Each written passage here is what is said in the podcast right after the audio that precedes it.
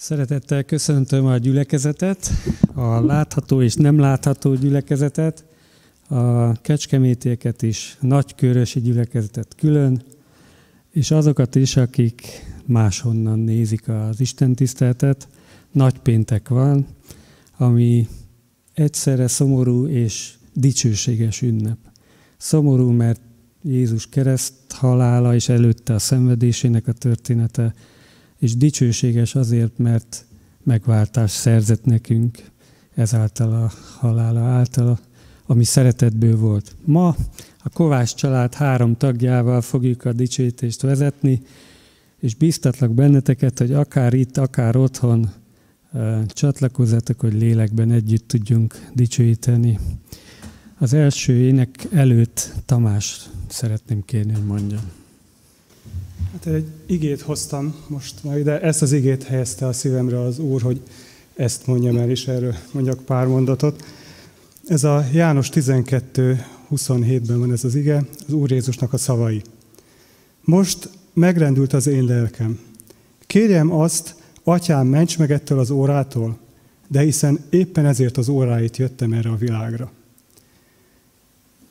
A, nekem már, ahogy idősödöm, egyre nagyobbra kell állítsam a betűméretet a Bibliában, mert romlik a szemem, és gondolkoztam azon, hogy hány olyan ember lehet a világon, aki az én szem problémámat meg tudja oldani, biztos van százezer, de lehet, hogy keveset mondtam.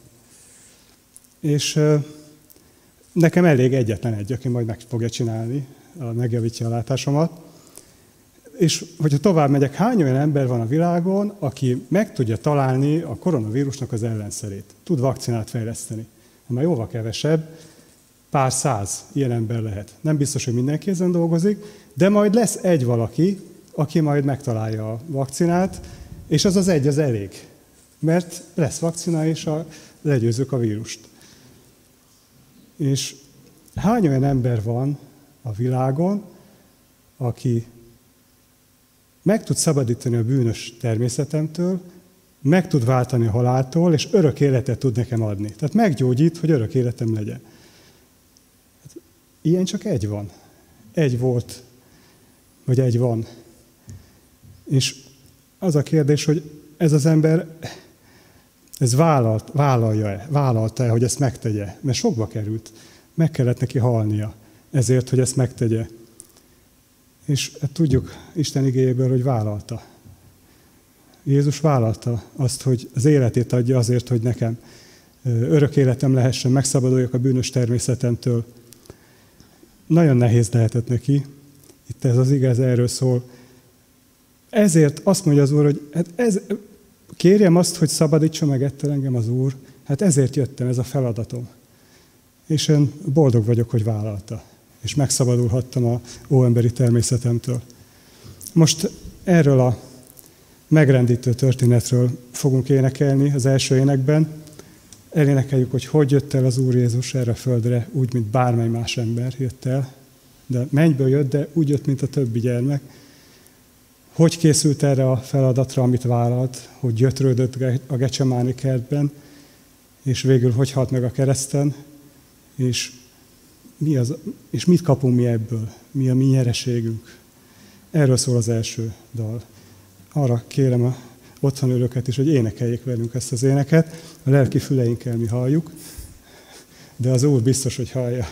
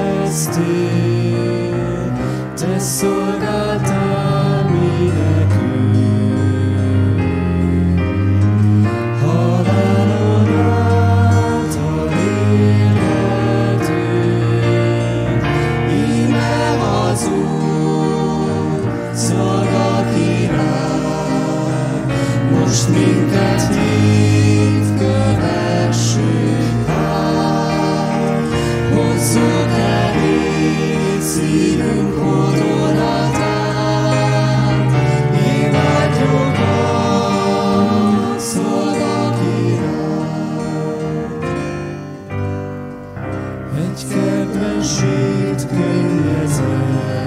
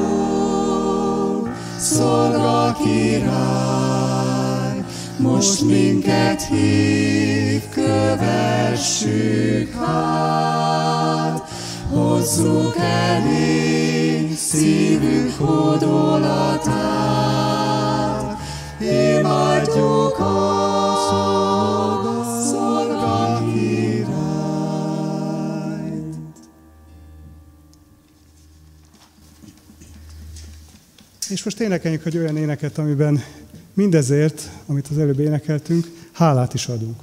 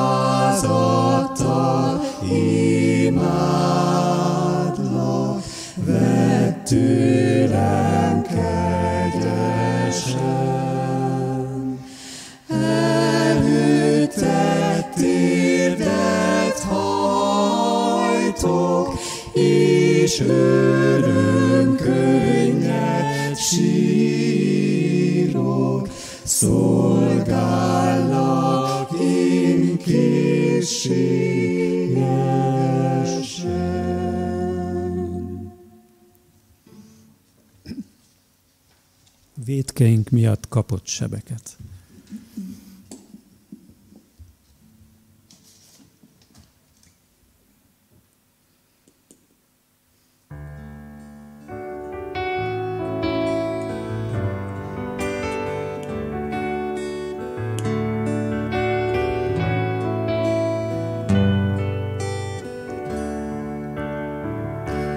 Védkeink mi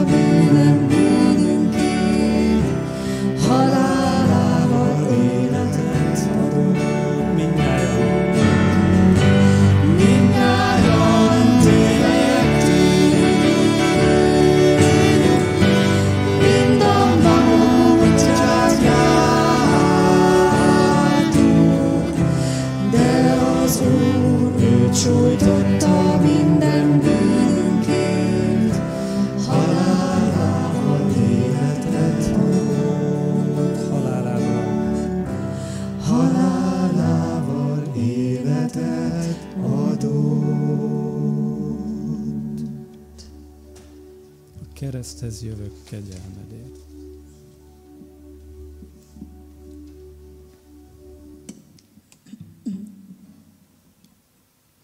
음.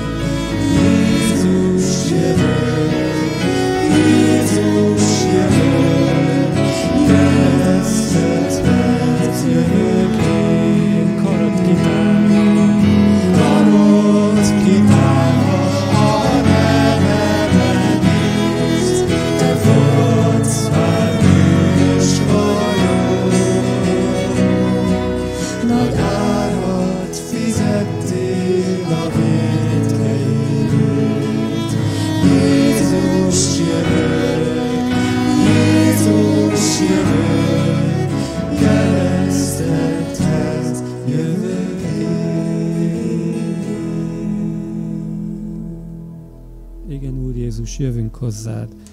Köszönjük, hogy Te fogadsz bennünket. Amen. Most az igét hallgassuk meg.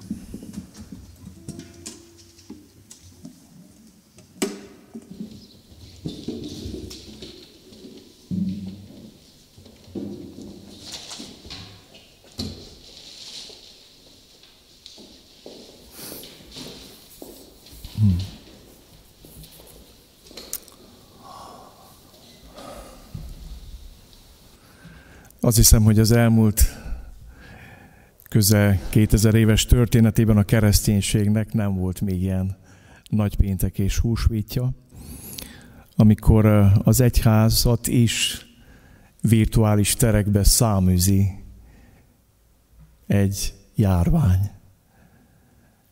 Igen, különös helyzet ez. Mégis szeretném, mielőtt az igét olvasnám, mondani azt, hogy nem létezik virtuális egyház, nem létezik virtuális gyülekezet, még csak online egyház és gyülekezet sem létezik. Az elmúlt héten egy valós gyülekezet, valós tagjaival voltam közösségben. Nem mindegy, hogy valaki nem tartozik sehova, és ilyenkor megpróbál rácsatlakozni valamelyik gyülekezet oldalára, vagy egész életében így próbál közösséget ápolni, vagy egy valós gyülekezet élete van kiszervezve virtuális térbe. Nem mindegy. Nagy a különbség a kettő között. Az elmúlt héten hétfeste a gyülekezet valós tagjával voltam ima közösségben, számítógép előtt. Utána a valós előjárókkal voltam közösségben, ugyanúgy számítógép előtt. Aztán keddeste barátkozókál voltam közösségbe, valós ismert testvéreimmel számítógép előtt. Aztán szerdán a kis csoportommal voltam együtt, ugyanilyen formában. Csütörtök délőtt a nyugdíjas csoporttal. Tegnap este, késő este virasztottunk az Úr Jézusra az egyik kis csoporttal, együtt imádkoztunk, úgy döntöttünk, hogy legalább egy órát együtt töltünk késő este az Úr Jézussal együtt. És annyira vágyom, és azt kívánom mindazoknak, akik úgy követtek online Isten tiszteleteket, hogy nem tartoztak egy valós gyülekezethez. Úgy kívánom, hogy keressétek meg a valós közösséged. Szükséged lesz rá, amikor vége lesz a járványnak, hogy élő húsvér emberekkel közösségbe legyen. Aztán azt is szeretném elmondani, hogy elmúlik ez a járvány, és Isten szeretne minket más emberként visszaküldeni a gyülekezeteinkbe, a templomainkba, és más emberként szeretne visszaküldeni a világba. És arra vágyom, hogy ezt munkálja a nagypénteki üzenet is, amit most megosztok veletek. Egy érdekes címet adtam ennek a mai Isten tiszteletnek, életműve a halála. Jézusról lesz szó, akinek életműve halála. Ő volt az, aki rövid nyilvános szolgálata során háromszor is beszélt arról, hogy meg fog halni. Hogy azért él, hogy meghalljon. Azért jött, hogy meghalljon. Ezt a három bejelentését fogom felolvasni Máté evangéliumából. Kilencszer van meg a Bibliában ez, háromszor, háromszor, mert háromszor így beszél elő Máté, Márk és Lukás, de most a Máté evangéliumából olvassuk. A 16. fejezet 21. versétől majd a 17. rész 22-es versét, mindig mondom. Tehát a Bibliánban, ha van előtted otthon vagy, keresd meg Máté 16, 21-től 23-ig terjedő verseit. Ettől fogva kezdett Jézus nyíltan beszélni a tanítványoknak arról, hogy Jeruzsálembe kell mennie, sokat kell szenvedni a vénektől, főpapoktól és írástudóktól, meg kell öletnie, de harmadnapon fel kell támadnia. Péter akkor félrevonta őt, és feddeni kezdte. Isten mentsen, Uram, ez nem történhet meg veled. Ő pedig megfordulva ezt mondta Péternek, távozz tőlem, sátán, kísértesz engem, mert nem Isten akaratára ügyelsz, hanem az emberekére. Ez volt az első bejelentés. Nézzétek meg a második bejelentést, Máté Evangélium a 17. rész 22-es versében. Amikor újra együtt voltak Galileában, így szólt hozzájuk Jézus az emberfia az emberek kezébe adatik, és megölik őt, de a harmadik napon feltámad. Ekkor igen elszomorodtak. Olvasom Jézus harmadik bejelentését Máté evangéliuma 20. részéből. Egyre közelebb megyünk. Három év szolgálatának a végén felé vagyunk, és már egyre közelebb tartunk ahhoz, hogy jön az ő halálnak az ideje. Máté 20, 17-től 19-ig. Amikor Jézus Jeruzsálembe készült felmenni, maga mellé vette külön a tizenkét tanítványt, és útközben ezt mondta nekik, íme felmegyünk Jeruzsálembe, és az emberfia átadatik a főpapoknak és az írástudóknak. Halára ítélik, és átadják a pogányoknak, hogy kigunyolják, megkorbácsolják, és keresztre feszítsék, de harmadnapon feltámad. Hát mindez megvan még kétszer-háromszor a Márk és a Lukács evangéliumában. Gyertek, imádkozzunk, kérjük azt, hogy ő szóljon hozzánk. Uram, a Te kereszted alá telepedve érezzük azt, hogy minden emberi szó, megnyilvánulás méltatlan. Ahhoz az áldozathoz, ahhoz a szeretethez, a szeretetnek ahhoz a hatalmához, ami megnyilvánult felénk bűnösök felőtt a Golgotai kereszten. Ezt a méltatlanságot érzem, Uram, minden porcikámban. Mégis kérlek, Szentlélek, Isten, jöjj, és elevenítsd meg előttük a szenvedés történetet. Add megértenünk azt, hogy miért a halálod a legnagyobb életművet. Kérlek, Szentlek, jelens ki nekünk ezt az igazságot. Ámen. Úgy gondolom, hogy a keresztény egyház egyik legnagyobb titka és ellenmondása az, hogy egy olyan valakit követünk és imádunk, aki mindössze 33 évet élt ezen a földön. Nem írt könyvet, nem uralkodott, nem volt gazdag, hatalmas és befolyásos. Nem volt neki földi országa, hatalma és trónja. Igazából nem birtokolt semmit. Egyetlen tulajdona volt a rajta levő ruhája, amit ott a kereszt alatt szerettek volna négy felé osztani, aztán sorsot vetettek, mert igen értékes darab volt, mert egy darab volt volt szőve. Nagy valószínűség az édesanyja szűtte neki. Mindössze három évet szolgált nyilvánosan a Poros Galileában és a leigázott Judeában. Legnagyobb életművének a keresztjének a halálát tartják, éppen ezért a haláláról beszélünk a legtöbbet. És hadd mondjam nektek, a kereszténység legfontosabb jelképe egy 2000 évvel ezelőtti brutális kivégző eszköz, a kereszt. Egy hatalmas ellentmondás. A kereszt nem egy bizsú, nem tudom, templom tornyán hivalkolóan díszelgő aranykereszt. A kereszt 2000 évvel ezelőtt az egyik legbrutálisabb kivégző eszköz volt. Azon gondolkoztam, hogy az Úr Jézust a Wikipédiába kéne beírni, akkor mit tudnánk róla írni? Próbáltam ezzel a gondolattal foglalkozni, megosztom veletek, mire jutottam. Pontos születési ideje ismeretlen, valamikor időszámításunk előtt négyben, Betlehemben egy istálóban született. Anyja neve Mária, nevelapja József. 30 éves koráig ács a szülői háznál. 30 éves korában bemerítette őt keresztelő János a Jordánba.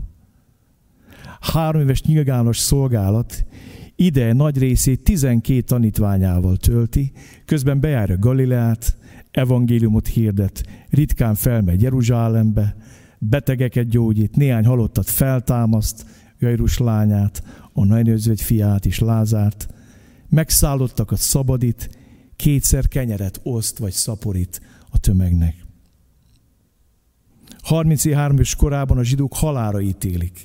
Isten káromlás miatt, mivel egyenlővé tette magát Istennel. A végső ítéletet Pilátus római hertortó mondta ki. A kínzást és kivégzést egy római szádos hajtotta különös kegyetlenséggel végre. legfontosabb életműve a halála. Legnagyobb kitüntetése, az Atya Isten dicsőséges testben feltámasztott őt a halálból, és jobbjára ültette, olyan nevet adományozva neki, amire minden tért meghajol. És szeretném most kibontani nektek, ahogy a Szentlélek a szívembe adta, hogy miért adtam azt a címet a mai égetésnek, hogy Jézus életprogramja az igazából egy halálprogram. Nézzétek meg születésekor, amikor fölviszik őt a templomba bemutatni, akkor egy ag öregember ölébe veszi Simeon, és a következőket mondja Máriának. Simon megáldotta őket, és ezt mondta anyjának Máriának. Íme ő sokak elesésére és felemelésére rendeltetett Izraelben, és jelül, amelynek ellen mondanak. És most jön a profécia, a te lelkedet is éles kar járja majd át, hogy nyilvánvalóan legyen sok szív gondolata a csecsemő Jézust mutatják be, és mikor jönnek ki a templomból, Simon ölébe vesz ezt a csecsemőt, és azt mondja Máriának, a te lelkedet is éles kard járja majd át, hogy nyilvánvaló legyen sok szív gondolata. Simon előre megprofétálja a frissen született Jézusról, hogy azért jön, hogy meghalljon. Érdekes dolog történik a bemerítésekor, két tanúságtétel hangzik el. Az első az atyáé, amikor pedig Jézus megkeresztelkedett, azonnal kijött a vízből, és ime megnyílt az ég, és látta, hogy Isten lelke, mint egy galamb aláereszkedik, és őre száll, és ime hang hallatszott a mennyből. Ez az én szeretett fiam, akiben gyönyörködöm. Amikor Jézus bemerítkezett, és kijött a Jordánból, megnyílt az ég, és hang hallatszott a mennyből és az atya bizonyságot tett róla, és azt mondta, ez az én szeretett fiam, akiben gyönyörködöm. Más evangélist azt mondja, te vagy az én szeretett fiam, akiben gyönyörködöm. Na csak, hogy elhangzik egy második bizonyságtevés, keresztelő János. Nézzétek meg. Másnap János látta, hogy Jézus hozzájön, és így szólt, íme az Isten báránya, aki elveszi világ bűnét és nézd meg, hogy eddigileg hangzik ez el Jézus bemerítésével. Ő az, akiről én megmondtam. Utánam jön egy férfi, aki nagyobb nálam, mert előbb volt, mint én. Én nem ismertem őt, de azért jöttem, és azért keresztelek vízzel, hogy ismerté legyen Izrael előtt. Így tette elő bizonyságot János. Láttam, hogy a lélek leszállt az égből, mint egy galamb, és megnyugodott rajta. Én nem ismertem őt, de aki elküldött engem, hogy vízzel kereszteljek, ő mondta nekem, akire látod, hogy leszáll a lélek, és megnyugszik rajta. Ő az, aki szentlekkel keresztel. Én láttam, és bizonyságot tettem arról, hogy ő az Isten fia. János, mikor ránéz Jézusról, az első bizonysága ez íme az Isten báránya, aki elveszi a világ bűnét. Születésekor azt mondják, hogy azért, hogy ő meghalljon, és bemerítésekor az atya azt mondja, te vagy a fiam, akiben gyönyörködöm, de hangzik egy földi bizonyság a mennyei mellett, hogy ő az Isten báránya, aki elveszi a világ bűnét. Egy bizonyság fentről az atyától, és egy bizonyság lentről Jánostól. És Jézus nagyon jól tudta, hogy a lent is föntről származik. Hogy amit János mond róla, azt az ő mennyi atya jelentette ki neki. Vajon hogyan élhette meg Jézus ezt a második bizonyságot? Isten báránya, aki elveszi a világ bűnét. Tudjátok, mit jelent ez? Hogy ő áldozat. Nem csak a kereszt halálol, de áldozat. A földre jövetele áldozat. A születése áldozat. A szolgálata, a szeretete és a kereszt halála folyamatosan áldozat. Mert ő az Isten báránya, aki elveszi a világ bűnét. És ahogy már mondtam az elején, Jézus az a valaki, aki háromszor is elmondta, egyértelműen és félretetetlenül, hogy azért jött el a földre, hogy meghalljon értünk. Mindössze három évet szolgált, úgyhogy minden évre jut egy bejelentése Jézusnak. És gyertek, nézzük meg az első bejelentést. Az első evangélium, az első bejelentés ugyanúgy megvan mind a három evangélium, és ugyanúgy hangzik el. Fel kell mennie. Sokat kell szenvednie, meg kell öletnie, fel kell támadnia. Ott van az a kemény, kegyetlen szó, kell, szükségszerű, sorsszerű, kikerülhetetlen. Tudjátok, hogy mit mondott ezzel Jézus?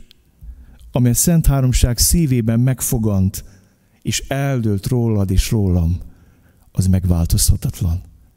Az, hogy ő eljön, és az életét adja, értem és érted, hogy megszabadítson minket a bűntől, az a Szent Háromság szívében született meg, az Atya, a Fiú és a Szentlek szívében. És a Fiú vállalt azt, hogy eljön erre a világra. És ezért mondta az első bejelentésekor, kell, kell, kell. Szükségszerű, kikerülhetetlen, sorsszerű. Nézzétek meg a második bejelentését Jézusnak. Ez is háromszor íródik le a három evangéliumba. Az ember fia emberek kezébe adatik. Itt már nincs az, a szó, nincs az a szó, hogy kell, itt már csak az van idéző, hogy, hogy adatik. Az ember fia az emberek más helyen a bűnösök kezébe adatik. Ez mert föltesz a kérdést, hogy hogy? Hát ki adja kinek oda az ember fiát? Az atya adja oda az emberiségnek. Születésekor valóban így történt, mert úgy szerette Isten a világot, hogy egyszülött fiát adta. Isten ide adta. Oda adta nekünk az ő fiát karácsonykor. Nekünk bűnös embereknek a kezébe adta, ránk bízta. De tudjátok, mikor azt mondja Jézus, az ember fia az emberek kezébe adatik, akkor Jézus valami egészen másról beszél. Arról beszél, hogy ő adja magát oda az embereknek. Nem az emberek ügyesek, nem Judás cselszövés és árulása, nem a, a papoknak a 30 ezüst pénze, nem a templom szolgák és a katonák, nem a római katonák ere és hatalma, fizikai ere, fölénye, nem. Nem azért kerül Jézus az emberek kezébe, hanem azért, mert adatik, ő adja magát. Nézzétek meg, mit mond János evangélium Jézus magáról. Azért szeret engem az Atya, mert odaadom az életemet, hogy azután újra visszavegyem. Mit mond Jézus? Odaadom az életemet. Ezért szeret engem az Atya. Senki sem veheti el tőlem. Én magamtól adom oda. Hatalmam van arra, hogy odaadjam, és hatalmam van arra, hogy ismét visszavegyem. Ezt a küldetést kaptam én az atyától. Azt mondja Jézus, és senki nem veti el tőlem az életemet, én magamtól adom oda, hatalmam van arra, hogy odadjam, és hatalmam van arra, hogy ismét visszavegyem. Ezt a küldetést kaptam az én atyámtól. Hadd mondjam nektek, az ember fia az emberek kezébe adatik. Ez Jézus legnagyobb hatalmáról szól. Jézus az Isten fia nem akkor volt a leghatalmasabb, amikor teremtő logoszként ezt a világot megteremtette. Nem akkor volt a legnagyobb magas, a leghatalmasabb, mikor az atya kebelén volt a mennyországban, a Szent Háromság ölelésében. Nem akkor volt a leghatalmasabb, amikor eljött erre a földre.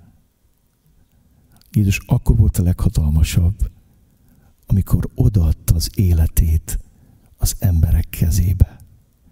Ezt hívja a Biblia a legnagyobb hatalomnak, a szeretet hatalmának. Jézus nem akkor a leghatalmasabb, amikor vihar csendesít, mikor leprás gyógyít, mikor halottat támaszt, mikor 5000 embert jól tart. Ne. Mikor csodákat tesz, mikor kiűzi a templomból a kufárokat. Jézus akkor a leghatalmasabb, mikor azt mondja, hatalma van arra, hogy odaadjam. És nagypéntek arról szól, és nagy csütörtök, hogy az Isten fia odaadja magát. Tudjátok, a zsidóknak az első páskán az volt a dolog, hogy leüljék családonként a bárányt, a vérét oda kenjék az ajtó félfára, és bezárkozzanak, míg átvonul az ítélet Egyiptom házán. És azt mondja Isten, hogy ha látom a vért, megkegyelmezek. És a zsidók miután emlékeztek, és ugyanezt tették, összegyűjtötték a családot, bezárkóztak, és elfogyasztották a páskabárányt, és megemlékeztek arra az első páskáról, és zárt ajtók mögött teszik mind a mai napig a zsidók ezt, az ünnepet. Mert arra emlékeznek, hogy be kell zárkózni, míg az ítélet átvonul Egyiptom háza felett. És Jézus nagyon döbbetes csinál az utolsó vacsorán, amikor elfogyaszt a páska vacsorát, és szerzi nekünk az úrvacsorát, akkor tudjátok, mit csinál? Megtöri a hagyományt. Nem zárkózik be, odaadja az életét. Kimegy az éjszakába. Az árulás, a tagadás, az elfogatás, a megkínzás, a meggyötrés, a megcsúfolás, az elítélés és a keresztre feszítés éjszakájába. Kimegy, mintha azt mondaná, hogy rajtam csattanjon az ítélet. Ne Egyiptom házán, ne a világon. Én vagyok az Isten báránya, aki elveszem a világ bűnét. Ő az, aki kilép az éjszakába, és adja magát, hogy magára vegye az emberiség bűnét, ítéletét és büntetését.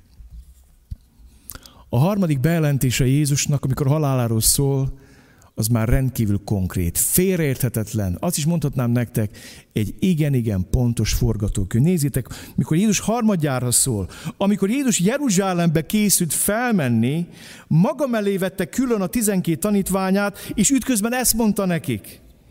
Ime felmegyünk Jeruzsálembe, és az emberfia átadatik a főpapoknak, és az írástudóknak, halára ítélik, és átadják a pogányoknak, hogy kigúnyolják, megkorbácsolják, és keresztre feszítsék, de harmadnapon feltámad.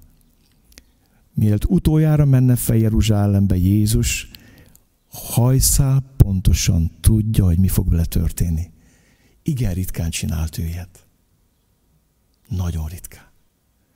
Például bejelentette Lázár feltámasztását, mert tudta, hogy meg fog történni.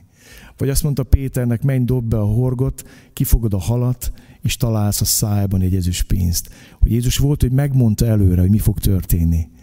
De itt hajszál pontosan elmondta. A vihar nem jelentette ebből a tanítványoknak, de a saját halált. Nézzétek meg, milyen pontosan mondja. Felmegyünk Jeruzsálembe. Az emberfő átadatik a főpapoknak és az írástudóknak halára ítélik, átadják a pogányoknak, itt már Poncis Pilátusról szól, kigúnyolják, másik evangélista szerint azt mondja, hogy megköbdösik, megkorbácsolják, és még azt is elmondja, hogy hogyan fogják kivégezni. Keresztre feszítik, de harmadnapon feltámad. Jézus így készítette a tanítványit arra, hogy az ő életműve halála. És gyertek nézzük most meg a tanítványok válaszreakcióit. Az első bejelentésen teljesen megbotránkoznak.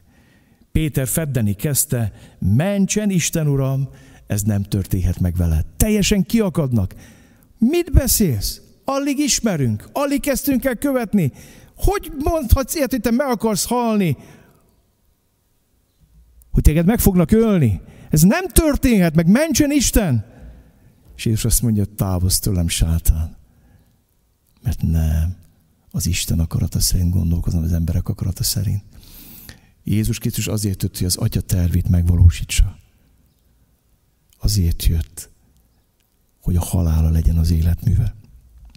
A második reakció, mikor Jézus másodjára beszél haláláról, azt olvassuk, ekkor igen elszomorodtak, nem értették, de féltek megkérdezni. Egyfajta zavarodottság, szomorúság, kezdik már komolyan venni, nem mernek ellenkezni vele, de nem értik. Aztán, amikor Jézus harmadjára beszél a haláláról, akkor teljes csönd van és zavarodottság. Nem kérdeznek semmit, nem mondanak semmit, akkor már nem reagálnak semmit. És most szeretném egy kicsit kibontani nektek azt, hogy miért a halála az életműve Jézusnak. Miért kellett Jézusnak meghalnia? Sokkal több van. Én hetet fogok felsorolni ma, ez a teljesség száma a Bibliában, szeretném megosztani ezt veletek. Az első, azért kellett Jézusnak meghalnia, és azért a halál az életműve, hogy elvegye a bűneinket. Íme az Isten báránya, aki elveszi a világ bűnét. Kedveseim, hogy egyszer fizikai szemmel látható lenne a bűn ezen a bolygón, akkor a Monteverest nem látszana ki abból a szemét, szenny, mocsok, erőszak, erköstelenség, áradatból, ami ezen a földön van. Ha egyszer szemünkkel láthatnánk az összes eddig élt, ma élő, jövőben élő emberek milliárdjainak a bűnét, fizikai szemünkkel láthatnánk, a Monteverest nem lenne elég magas, hogy kilátszon ebből a szeméttengerből. Jézus az Isten báránya, aki azért jött, hogy elvegye a világ bűnét.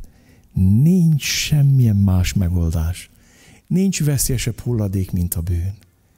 Nincs károsabb szennyezés a földnek, mocskolása ennek a földnek, mint az ember bűne. És Jézus azért jött, hogy elvegye a bűnt. Ezért kellett neki meghalnia.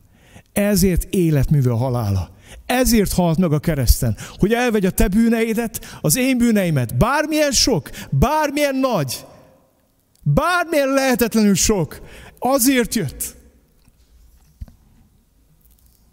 Megyek tovább. Miért kellett Jézusnak meghalnia? Hogy kibékítsen minket Istennel, egymással és önmagunkkal. Isten ugyanis Krisztusban megbékéltett a világot önmagával, úgyhogy nem tulajdotott nekik védkeiket, és ránk bízta békéltetés igéjét. Tehát Krisztusért járva követségben, mint ha Isten kérne általunk. Krisztusért kérünk, béküljetek meg az Istennel. Ezt kéri ma Isten. Elég egy vírus, és leállítja az egész bolygót az Isten.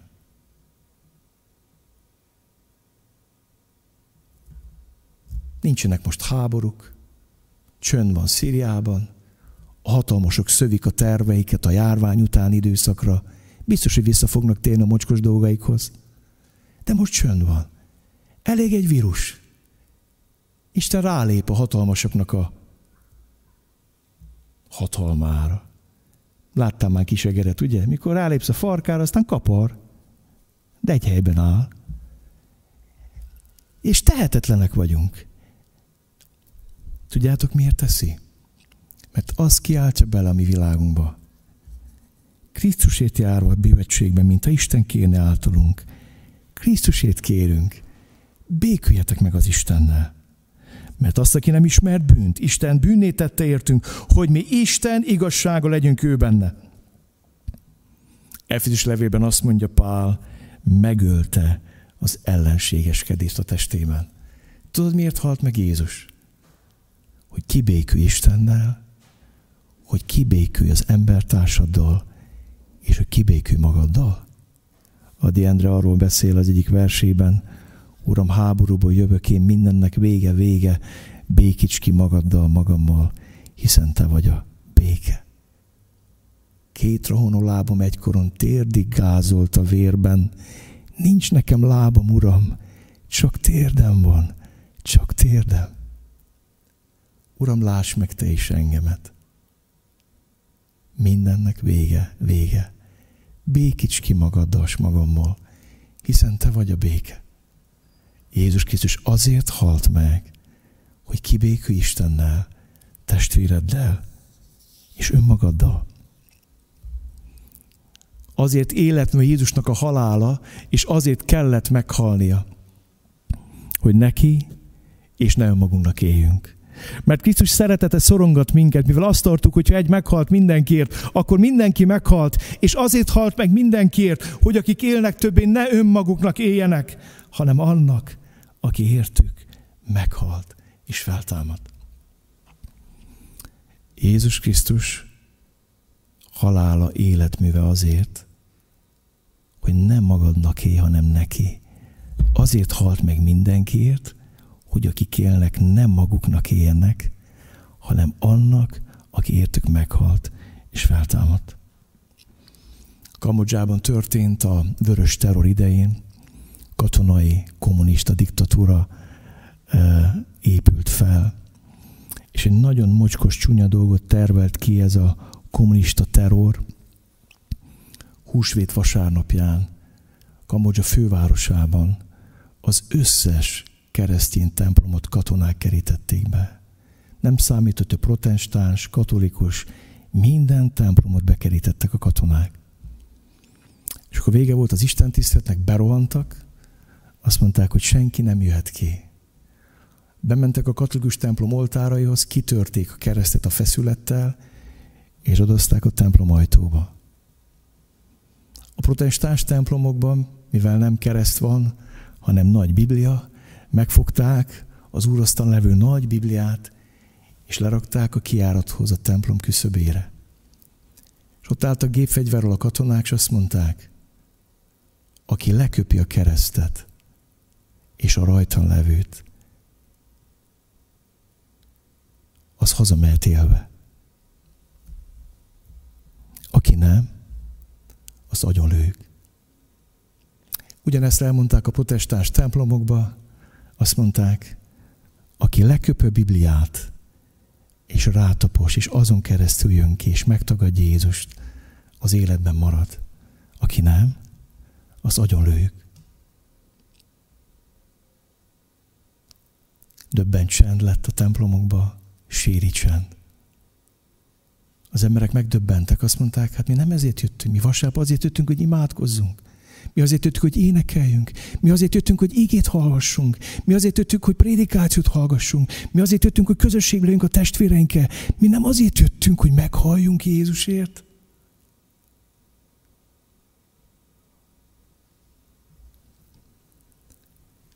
És nagyon sokan leköpték a feszületet. Leköpték a Bibliát és megtaposták. Azt mondták, családom van, gyermekeim vannak, rokoim vannak. Én nem meghalni jöttem Jézusért. És volt egy 16 éves lány, amikor rákerült a sor, hogy kijön a szimaházból, ott volt előtt a Biblia. Már nagyon össze volt köbdösve, és össze volt taposva, szakadozó lapokkal.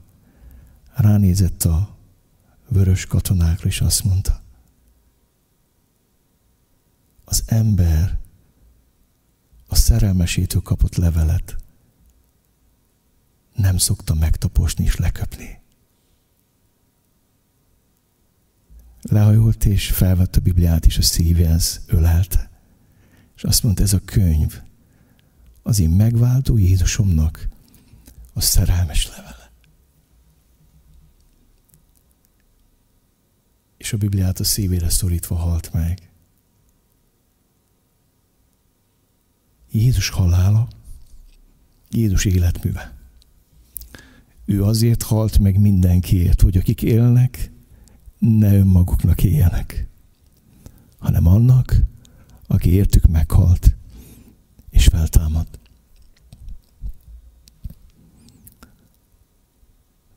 Tudod, miért kell neki élni? Mert minden nyomorúságunk gyökere, az egoizmusunk, az önzésünk, a magunknak élésünk, az ateista humanizmusunk, minden liberális szennyével és mocskával, az individualizmusunk, a megistenülésünk, és ettől nem tudsz megszabadulni saját magadtól, csak a találkozó valakivel, aki erősebb az ember Istennél, és az ego Istennél. És ezért halt meg Jézus a kereszten. Úgy győzte le a Golgotai kereszten. És akkor meglátod őt, akkor megérted. Azért halt meg Jézus értem, hogy többé nem magamnak éljek, hanem annak, aki értem meghalt és feltámadt. Szerelmesed neked Jézus a megváltod? Megyek tovább. Mi kettő van? Miért életműve Jézusnak a halála? Miért halt meg a Golgotai kereszten? Hogy megsemmisítse az adós és vádlevelet eltörölt a követelésével minket terhelő adós levelet, amely minket vádolt, és eltávolította azt az útból, oda szegezve a keresztfára, lefegyverezte a fejedelemséget és hatalmasságokat, nyilvánosan megszégyenítette őket, és Krisztusban diadalmaskodott rajtuk. Az első állítás ennek az igének, hogy ott a Golgotai kereszten az adós és vádlevelet megsemmisítette Jézus. Oda szegezte Krisztus testében a kereszt fára. Mindannyiunknak van vádlevele. annyi bűn követtünk el, az mind vádol minket. Az mind az adósságunkat igazolja. És Jézus Krisztus, amikor meghalt a kereszten, az adós levelet és a vádlevelet megsemmisítette azt a levelet, ami alapján be lehet hajtani rajtad az adósságot. Ami alapján lehet téged gyötörni, kínozni és félelembe tartani. Azt a levelet semmisítette meg és szegezte oda az ő testében a fára, ami alapján lehetett téged vádolni egy életen át. És nézd meg az állítás második felét. Lefegyverezte a fejedelemséget és hatalmasságokat, nyilvánosan megszégyenítette őket, és Krisztusban diadalmaskodott rajtuk. Hát ha nincs vádlevél, akkor nincs mivel vádoljon téged az ördög, a sátán, a múltad, az emberek, a szellemi hatalmak és fejedelemségek. Előbb a levelet semmisítette meg úgy, hogy kifizette értünk az adósságot. És ezzel betömte a vádló száját, és azt mondta, a vádló, nem györölheted azt, akinek nincs adósága. Nem vádolhatod azt, akinek nincs vádlevel és adós levele, lefegyverezte, megszínítette. Megyek tovább, és szeretnék arról szólni, hogy miért Jézus halál az életműve. Azért, hogy tőle példát véve életünket adjuk egymásért. Mi szeretjük a János 3.16-ot, de szeretnék neked egy másik János 3.16-ot mondani. Van az egy János 3.16. Nézd meg, mit mond az 1 János 3.16. Abból ismerjük a szeretetet, hogy ő az életét adta értünk, ezért mi is tartozunk azzal, hogy életünket adjuk testvéreinkért, akinek pedig világi javai vannak, de elnézi, hogy a testvére szükséget szenved, és bezárja előtt a szívét, abban hogyan maradhatna meg az Isten szeretete. Gyermekeim, ne szóval szeressünk, ne is nyelvel, hanem cselekedettel és igazsága. A János 3.16 az Isten szeretetéről szól. Az 1 János 3.16 pedig arról szól, hogy aki átélte Isten szeretetét, aki találkozott a megfeszítettel, az tartozik azzal, hogy életét adja a testvéreért. És szeretném elmondani, hogy én értelemben egy intenzív időszak következik. Az első keresztény egyház üldözve volt, és húsba vágon szerettek. Nem tízedet adtak, eladták telkeiket, és elkezdtek úgy szeretni, ami az egész világot a fejtetére állította. A vírus után jön a gazdasági válság. A gazdasági válság jönnek a munkanélküliség aki eddig is kis fizetésből élt, és nem volt tartaléka, az nagyon nehéz időket lát. És Isten elhozta azt az időt, hogy nagy péntek valósága legyen úgy, hogy ő az életét adta értünk, és mi is tartozunk azzal, hogy az életünket adjuk egymásért. És ha valakinek nem szűnik meg a munkahelye, és olyan fizetése, vagy ér a széle hosszát, vagy még tartalékalni is jött, tudott, eljött az idő, hogy ne nyaralásra tegyünk félre, hanem elkezdjünk adakozni, elkezdjük az életünket adni a testvérünkért.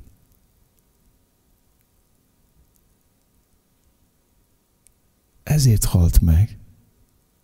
Az életét adta értünk, hogy mi is az életünket adjuk. Napokban hallgattam egy zsidó testvérem ige hirdetését, evangélius lelkipásztor, már a mennybe van, Richard Wumbrand, és elmondott egy nagyon megrázó történetet. Mikor először hallgattam, lázadt bennem minden. Azt, amikor több egyére hallgattam ezt az ige hirdetést, azt kellett mondjam, hogy igaza van. 15 évet volt börtönbe. Szerette az őt kínzó tiszteket. Nem egy embert ért meg, azok között az emberek között, akik őt gyötörték szó szerint az életét adta azokért, akik őt bántották. És elmondott egy megrázó történetet egy vakasszonyról, aki felhívta őt, és meghívta magához, hogy megossza vele a bizonyságát. Az a vakasszony elmondta azt, hogy ő zsidó származású, és az történt, hogy férhez ment egy vak férfihez. Éldegéltek szépen egy ideig, és egyszer csak egy nagyon nagy krízis történt. A vak férje, a vakasszony vak férje beleszeretett egy másik nőbe. Csak azért mondom el, hogy a paráznaság az egy démoni dolog. Nem csak a szemhez kötődik, hanem a szívhez. Egy vak férfi meg tudja csalni a vak feleségét azért, mert vakon beleszeret egy másik nőbe. És a nő elmondta Vumrannak, hogy akkor ő nagyon kétségbe esett. Addig se éltek valami fényesen, mind a ketten vakok voltak, igen szerény körülmények között, de akkor úgy érezte, hogy kicsúszik a talalábaló. És még nem ismerte Jézust, és nagyon kétségbe esett. És a Bukarest patikáit, minden gyógyszertárban csak két szem altatót adtak, és több mint 30 gyógyszertárat keresett fel, hogy mindegyikből megvegye a két szem altatót. És hazament, mert úgy érezte, hogy nincs értelme az életének. Vége. Oda készítette a gyógyszereket a pohár vízzel, és készült elbúcsúzni az élettől. És azt mondta Vumrannak, hogy figyelj, én nem ismertem Jézust. De amikor szerettem volna meginni, és bevenni ezt a sok-sok gyógyszert, ott a szekrény mögül, a sarokból megszületett Jézus Krisztus. És azt mondta nekem, hogy ne tedd, ne tedd ezt.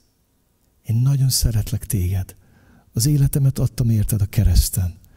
Azért, hogy neked egy szabad, reményteljes jövőt adjak. És nem értette, hogy mi történik. Hamar kért segítséget, és kapott ilyen, tudjátok, vannak ezek a nem tudom milyen írással levő vakok bibliája, kapott egy új szövetséget, és elkezdte olvasni az evangéliumokat, hogy megismerje Jézus Krisztust. Kiolvasta minden négy evangéliumot, hitre jutott, befogadta Jézust a szívébe, kapott bűnbocsátot és reménységet. És tudtok, hogy mit kapott még? Olyan szeretetet, amit még soha nem tapasztalt. És most jön nagyon nehéz rész a történetnek, ami számomra először gyomorforgató volt. Azt mondja ez a vakasszony Vumrannak, hogy tudod, mit kért tőlem Jézus? Hogy szeressem azt a férjemet, aki engem megcsalt. Szeressem azért, mert ő boldogtalan. Azért csalt meg, mert nem ismeri Jézust. Nem találkozott vele az ő szeretetével. És elmentem, megkerestem a férjem, és azt mondtam, figyelj ide, nekem fontosabb az, hogy te boldog légy, mint az, hogy az én férjem légy. De tégy meg egy szívességet. Gyere el hozzám a lakásba szeretőd, hogy szolgáljak nektek a Krisztus szeretetével.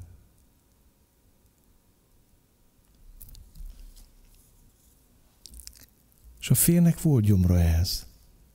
Beköltözött az egyébkénti saját lakásába a szeretőjével, és az a megtét zsidó asszony, aki vakó volt, elkezdett főzni, és szolgálni, és imádkozni a férjét, hogy Uram, add, hogy a férjem megismerjen téged, mert boldogtalan.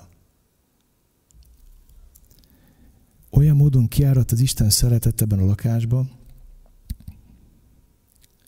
nem bírta a férfi ezt, néhány napot bírt, és egyszerűen összetört teljesen. Megnyitotta szívét Jézus előtt, elzavarta szeretőjét, és meggyógyult a házasságuk.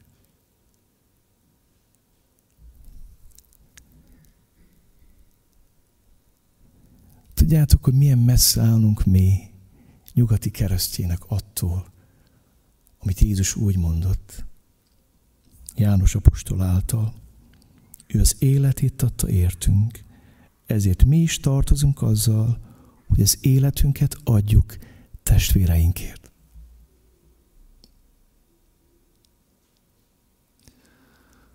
Először vitatkoztam, háborogtam, ez ma hajnalban volt, pontosabban tegnap hajnalban, hogy fölébredtem, nem tudtam pihenni, és meghallgattam ezt a szolgálatot, és mondtam, Uram, nem, ilyet, ilyet. És azt mondtam, Uram, ez a te szereteted.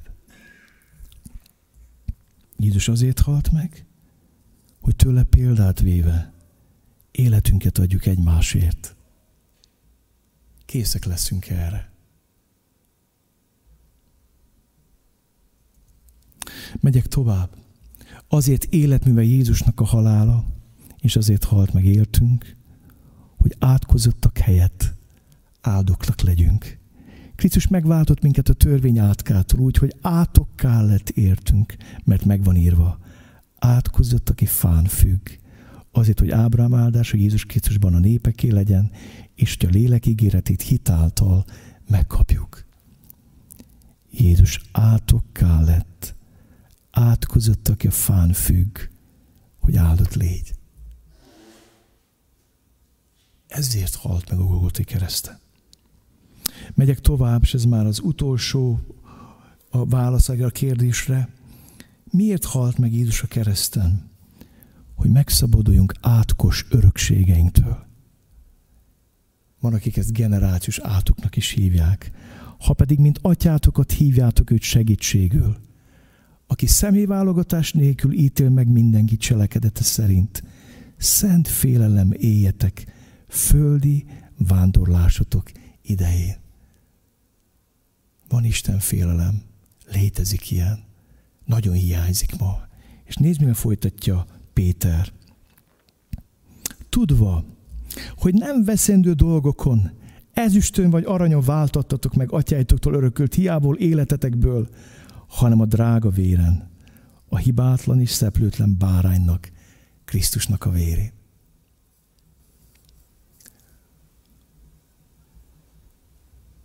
Amikor a saját gyermekeim életében kell szembenézek a saját bűneimmel.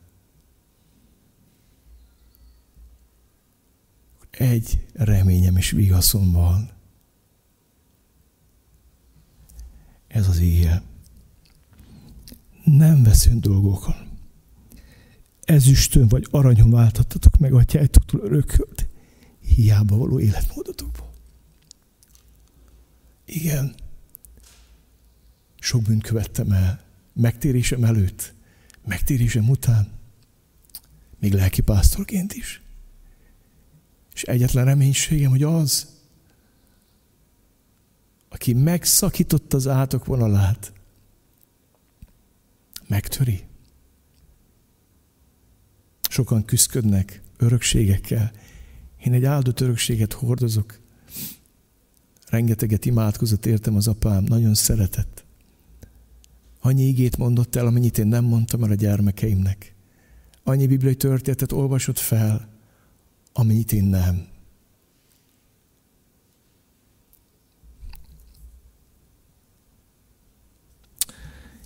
Azért halt meg a kereszten Jézus értem és érted, hogy megszabadulj átkos örökségettől. És szeretném egyetlen egy mondattal összefoglalni mai ígéretést. Miért életműve Jézusnak a halála? Wikipédiában mindig az érdemeket sorolják. Rendezte, egyeket a CD-ket adta ki, ezeken a filmekben forgatott, érdemes művész, Kossuth díj, Széchenyi díj, ilyen. Három évet szolgált Jézus, és a végén meghalt. És azóta azt harsogja a kereszténység, hogy mert megfeszített Krisztust hirdetjük, mert ő a világ reménysége. Tudjátok, hogy miért?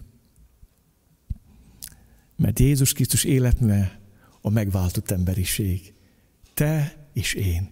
Mindazok az emberek, akik találkoznak vele, akik hisznek benne, akik elhiszik mindazt, amit eddig mondtam, és elkezd az életükben megvalósulni, hogy elveszi a bűnüket, hogy megszabadítja őket az átkos örökségektől, hogy megtanítja őket ne önmaguknak, hanem neki élni, hogy megtanítja őket arra, hogy az embertársaikért éljenek, hogy megszabadítja őket a generációs átkoktól.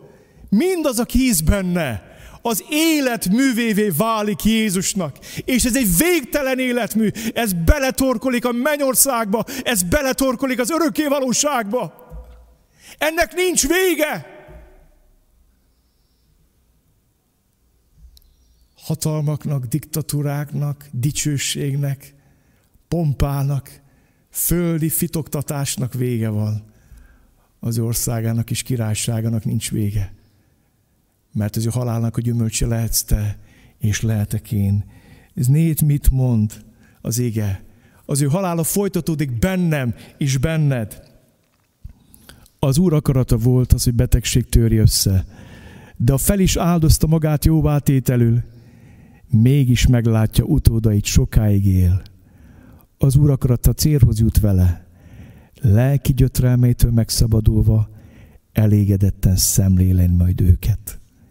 Igaz szolgám sokakat tesz igazá ismeretével, és ő hordaz bűneiket. Ezért a nagyok között adok neki részt, a hatalmasokkal együtt részesül zsákmányban, hiszen önként ment a halálba, hagyta, hogy a bűnösök közé sorolják, pedig sokak védkét vállalta magára, és közben járt a bűnösökért ismételem azt a részt, de a fel is áldozta magát jóvatételől, mégis meglátja utódait, sokáig él.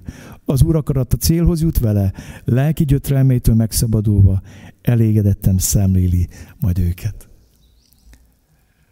Jézus halála az életműve azért, mert a halála váltott meg engem, téged, és mindazokat, akik benne isznek, és vezeti ezt a megszámolhatatlan tömeget és sokasságot, az örök dicsőségbe, a mennyország felé. Te benne vagy ebben a tömegben? Találkoztál már vele? Kibékültél már Istennel? Elvette már a bűneidet? Megszabadítod már az átkoktól? Önmagad imádatától azért, hogy nem magadnak éj?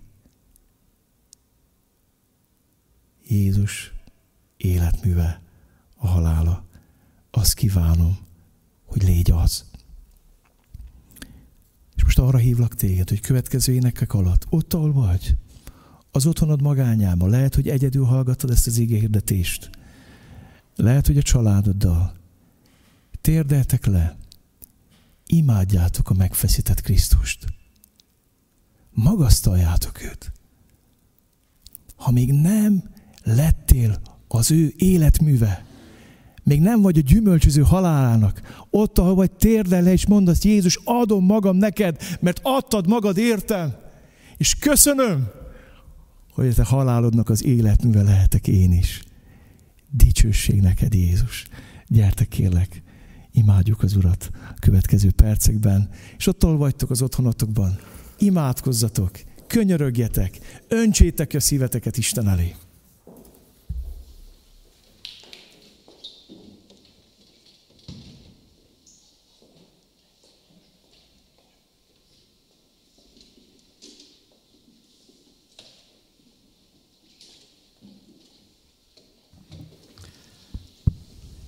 Az első énekünk, nézd ott fenn, mi van a kereszten.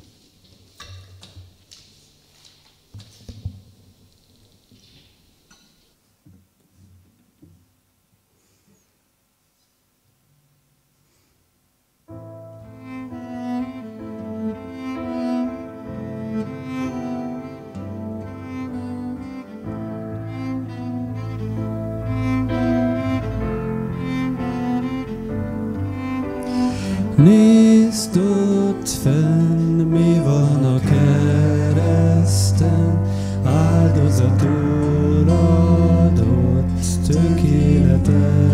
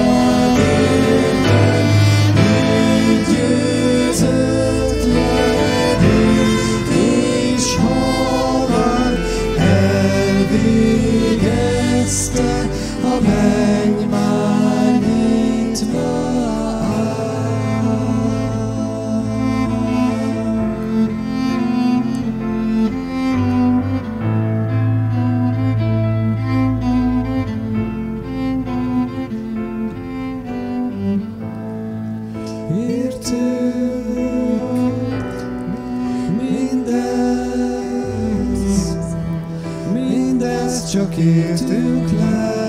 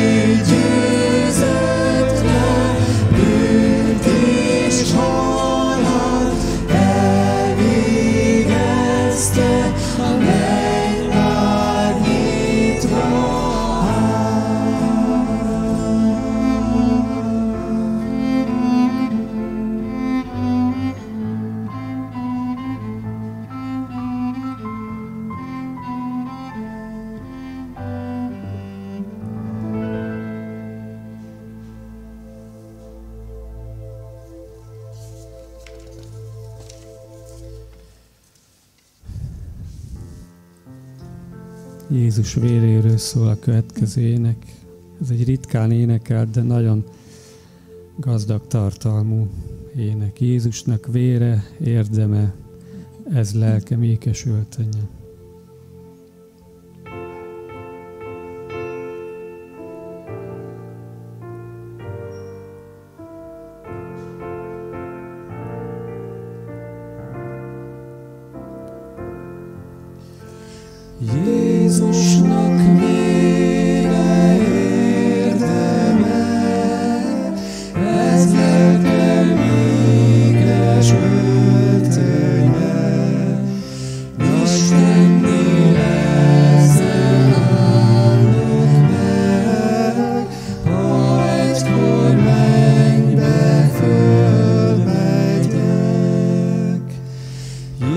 Jesus, one.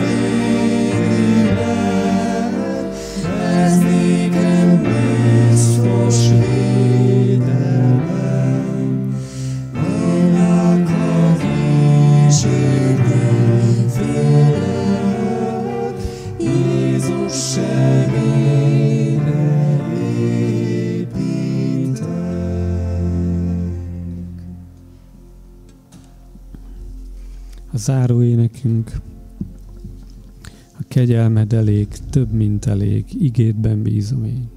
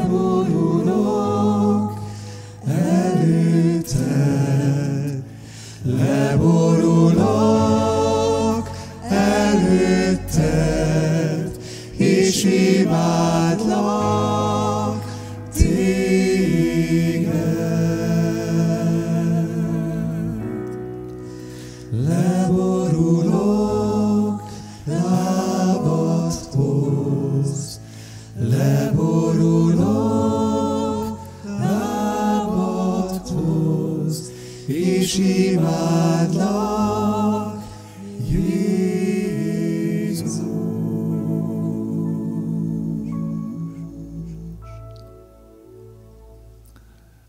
Dicsőség neked, hogy szent lelket kiárat itt ránk, egész gyülekezetünkre, úgy a kecskemétére, mint a nagykörösire, és mindazokra, akik máshonnan kapcsolódtak be.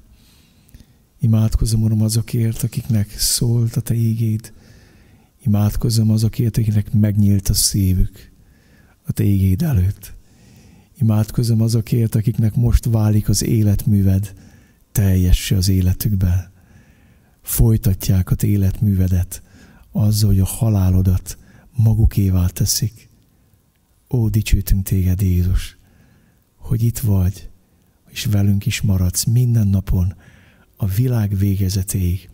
Kérlek, hogy hoz maradandó változásokat mindazok szívébe, akik hallgatták ezt az Isten tiszteletet.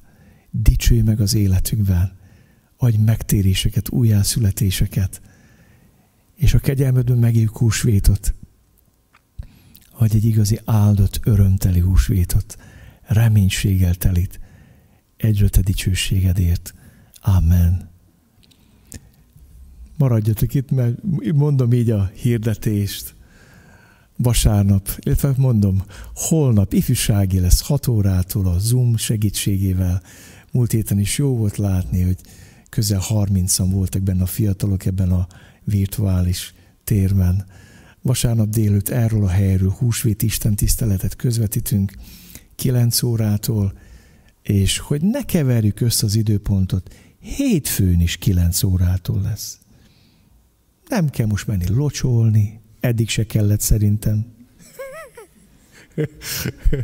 és uh, nem kell most jönni, menni, száműz vagyunk a lakásainkba, kilenc órától lesz a húsvét másnapi Isten tisztelet is.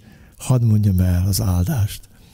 Istennek népe, áldjon meg téged az Úr, és őrizzen meg téged. Ragyogtassa rád orcáját az Úr, és könyörüljön te rajtad. Fordítsa az Úr az orcát te rád, és adjon neked békességet. Amen. További áldott ünnepet mindenkinek.